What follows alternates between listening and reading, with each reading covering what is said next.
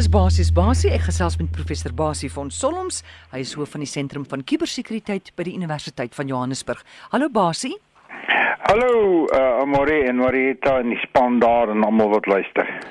Facebook sê hy het nou 'n omkeers of 'n omdraai strategie met betrekking tot sy privaatheid van sy kliënte. Dis nou ek en jy.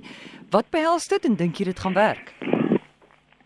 Ja, ek dink Facebook uh het 'n uh, redelike groot uh, sielkundige knou gekry die afgelope paar jaar. Uh die afgelope jare wat daar's verskriklik baie van sy data het gelek. Ons weet dit. Daar's allerlei skandale wat rondom hom gegaan het uh in terme van hoe hy my en jou soos wat jy reg sê ons as die kliënte se data hanteer. Ehm uh, so hy moet iets doen. Nou gister so so so nie soos gister so die luisteraars kry bietjie hier ehm um, uh, uh, inligting van die van die drukpers af het Mark uh, Zuckerberg die hoof uitvoerende beampte van Facebook aangekondig dat Facebook nou sy hele beleid bietjie gaan verander. Hy gaan baie meer konsentreer nou om privaatheid af te forceer. Hy het 'n hele nuwe privaatheidsbeleid in en die standpunte of die punte daar wat mense met verloop van tyd nou maar nog van moet ophou, gaan onder dit daarom dat hierdie groot plekke waar jou data na almal toe uh, versprei gaan word. Dit gaan heeltemal verdwyn half. Dit gaan klein uh kompakte uh, groepies mense wees waar al die gesprekke tussen die mense of die boodskappe tussen jou en jou klein groepie beperkte vriende uh absoluut uh, geënkripteer, vertroulik ensovoorts sal wees. Verder dat boodskappe vandag weet ons, 'n boodskap of 'n plasing op Facebook lê 20 jaar kan 20 jaar lank daar lê en dan kom hy terug en dan gee vir jou nagmerries. Dis nog 'n ding wat hy gesê het. Hulle gaan hulle beleid verander dat daai plasing van jou gaan net lank genoeg daar lê. Hoe lank dit nou weet ons is nie, maar net lank genoeg uh uh sodat die mense dit kan sien of afhandel wat ook al en dan gaan dit verdwyn. Totaal permanent verdwyn is weg. Dit gaan nie terugkom om jou te kom nagmerries gee nie. Hy sê ook dat uh, Facebook gaan nou nie meer data sy hierdie data van my en jou as sy kliënte in lande stoor of rekenaars hê waarop hulle hierdie kliënte data stoor in lande wat wat onvriendelik is ten opsigte van ehm um, vryheid van spraak en al sulke tipe dinge. So daar's nog 'n hele lysie van die goed. Dis heel dramaties. Jy weet 'n party van die van die uh, uh joernaliste of kommentatore noem dit eintlik nou dat Facebook word nou privacy boek of 'n uh, private boek of iets ja. soos daai. Uh natuurlik fantastiese idees wat hy het, maar mens vat dit maar met 'n kwypie, knypie sout. Miskien is dit nou maar hulle uh room wat hulle op die koek wil smeer om nou al die gate onder met alles wat gelek het reg te maak. Daar is natuurlik ook nadele daaraan verbonde want as dit nou so werklik uh geslote is, dan kan daar nou weer ander probleme ontstaan, maar in beginsel moet ek sê as ek hoogs beïndruk met hierdie hele idee met hierdie en wat vir my betref is regtig 'n omdraai van hom. Sy uh, van die maatskappy onthou hulle het nou al klaar vroeër gesê hulle gaan WhatsApp hulle besit WhatsApp Facebook besit WhatsApp en hulle besit ook Instagram.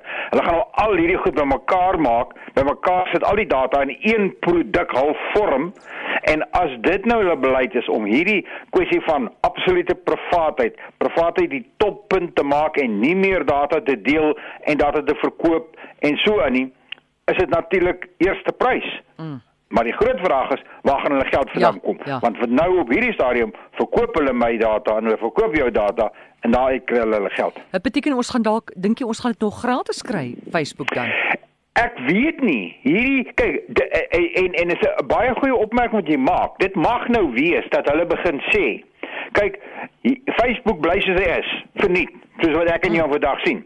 Maar as jy hierdie kleiner, privater, ehm um, meer intieme, betroubare privaat versie van Facebook wil hê, dan moet jy betaal daarvoor. Dis heel moontlik. Mm. En ek dink nie dis 'n onmoontlike idee nie en ek dink almal van ons wat jy noem kliënte, ehm um, gaan nie omgee om R50 'n jaar of wat ook al te betaal en te weet jy het 'n veiliger vorm van Facebook as die huidige een nie. Maar dat die huidige een miskien daar gaan bly vir die ouens wat dit nie wil hê nie, gaan heel waarskynlik die geval wees. So hulle gaan in elk geval nog advertensie inkomste kry, maar ek hoop dat hulle beweeg in die rigting van as dit dan nou moet 'n betaalopsie met 'n ja. meer baie meer private en veiliger omgewing. Goed, basies Klink interessant. Ja, die verkiesing is om die draai hier by ons en dat daar klaar data gelek van die OVK se database. Wie die owerhede dit en watter data het gelek?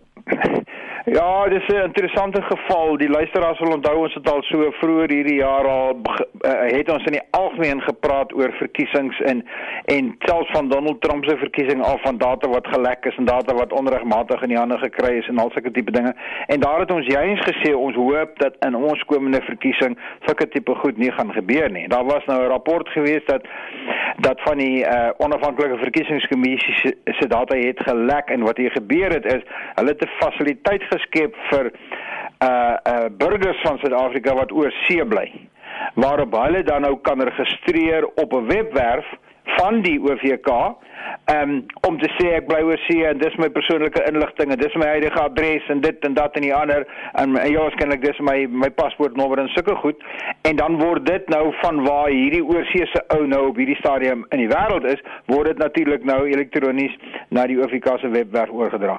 En daar het een of ander ondersoeker toe die saak gesien dat hierdie data wat opgelaai word kan ge, is gekraak. Jy kon op 'n stadium kon jy enige ou net eenvoudig deur 'n tellertjie wat uh, jy kon aanskuif in die adres.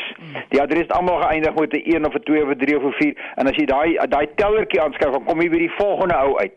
En dan sien jy die volgende ou sien en dan sien jy die volgende ou sien. So kon jy eintlik deur al die ouens gaan wat uh, aansoek gedoen het. Nou skyn maar net die OFK het reg gemaak. Uh, en dit is nie uh vierpaal wetenskap om dit reg te gemaak het nie. Maar dit was ook nie vierpaal wetenskap om dit in die eerste instansie reg te gemaak het dat dit nie gebeur het ja. nie. So hierdie is ontstellend in die sin dat dit gebeur het.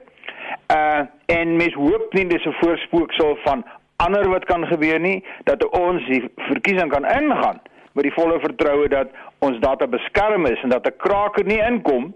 Kom ons kyk net wat kan gebeur as as 'n kraker kan inkom in die database en en hy verander almal se adresse.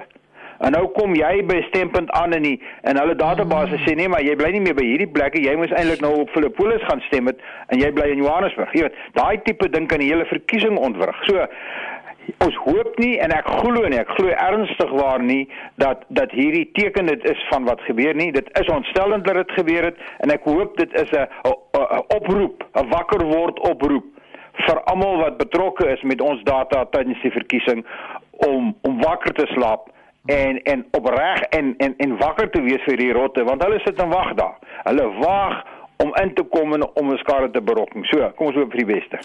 Ek verstaan daar's goeie vordering wat gemaak is met nuwe standaarde tot 'n wagwoordlose internet.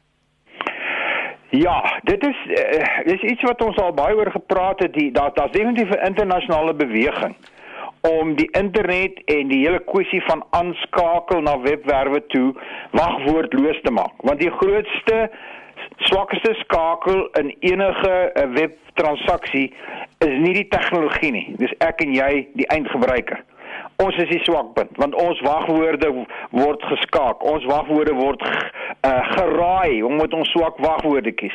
En al sulke tipe dinge. So hierdie nuwe standaard wat nou deur die internasionale organisasie geskep is, kom in beginsel baie baie vinnig in 'n minuut wat kom dit daarop neer dat as jy aanteken na jou bank se webwerf toe, dan vra die bank nie, uh, vra jy nie die bank identifiseer jouself nie jou rekenaar outomaties deur middel van hierdie protokol waarvan ons nou praat word na die een kant toe gebruik en hy herken die bank uh deur middel van data wat uitgeruil word en deur middel van kriptografiese algoritmes. Dis hoekom jy daai daai geslote slotjie sien as jy na jou bank toe aansluit. Dit beteken jou rekenaar is tevrede dat die inligting wat hy en die jou rekenaar en die bank se rekenaar uitgeruil het reg is, korrek is en dat die bank is wie hy is dat jy by die regte webwerf is en dis die slotjie. Nou daai protokol is dis net een kant toe. Nou nou weet jy jy praat met die bank, maar die bank weet tog nie hy praat met jou nie. Die nou moet jy vir jouself aan die bank verifieer deur al hierdie wagwoorde en profielnommers in hmm. in eenmalige uh wagwoorde wat nou na jou foon toe gestuur word. En dit wil 'n mens uitskakel. So hierdie nuwe standaard uh gooi nou ook hierdie manier van outomatiese uh um verifiering wat jou rekenaar met die bank doen, omgekeerd ook. So die bank gaan jou ook nou outomaties kan verifieer deur middel van ehm um, kriptografiese data wat op jou rekenaar gestoor is en wat beskerm is en geënkripteer is sonder dat jy 'n wagwoord moet hê. So dit is 'n soort van 'n wagwoordlose uh handskud proses. My rekenaar skud na, skud hand met die met die bank se rekenaar en sê ja, bank, ek is tevrede, dis jy. En nou gaan die bank nie vir my sê maar gee vir my wagwoorde nie. Die bank se rekenaar gaan na jou rekenaar toe kom en hulle gaan tussen hulle twee gaan hulle nou 'n handskit proses hê en sê nou is ons tevrede. Hmm. Goed, nou weet ek onmiddellik die slim luisteraars, ehm um, onder andere jy en Mariet gaan nou sê maar maar goed, wat gebeur as as Kippie rot nou my my my selfoon vat? en hy maak of hy ek is jy weet en en hy hy skakel uh, trans transmissieloos of of naadloos aan met die bank dan gaan 'n verdere fase wees jy moet nou eers weer jou jou jou selfoon gaan nou eers vir jou sê maak seker of wys vir my jy's my baas En dan gaan jy nou eers na jou selfoon toe moet aanteken deur middel van jou vingerafdruk of jou gesigsafdruk of deur middel van die elektroniese sleuteltjies. Nou is jou foon is tevrede. Dit is dit is sy baas wat nou met hom praat. En sy baas wat nou vir hom sê, skakel nou vir my aan na die bank toe en verifieer die bank en laat die bank toe om jou te verifieer selfoon en dan is die saak afgehandel. So, dit is baie interessant hierdie standaard gaan met verloop van tyd gaan webwerwe en en selfoonmaatskappye en selfoonvervaardigers gaan dit is nou in hulle programmatuur inbou sodanig dit dat dit is waar ons met verloop van tyd heen gaan. Dis goed om te hoor. Dankie Pasie, geniet jou tyd verder daar in Genève en dan praat ons weer volgende week in Suid-Afrika. Ek is terug volgende week en sê baie groete vir almal daar. So mooi bly. Dankie vir die bel. Plesier, totsiens. Dis professor Basie van Solms en uh, hy is hoof van die sentrum van kubersekuriteit by die Universiteit van Johannesburg. Jy kan hom kontak by rsgbasie.co.za.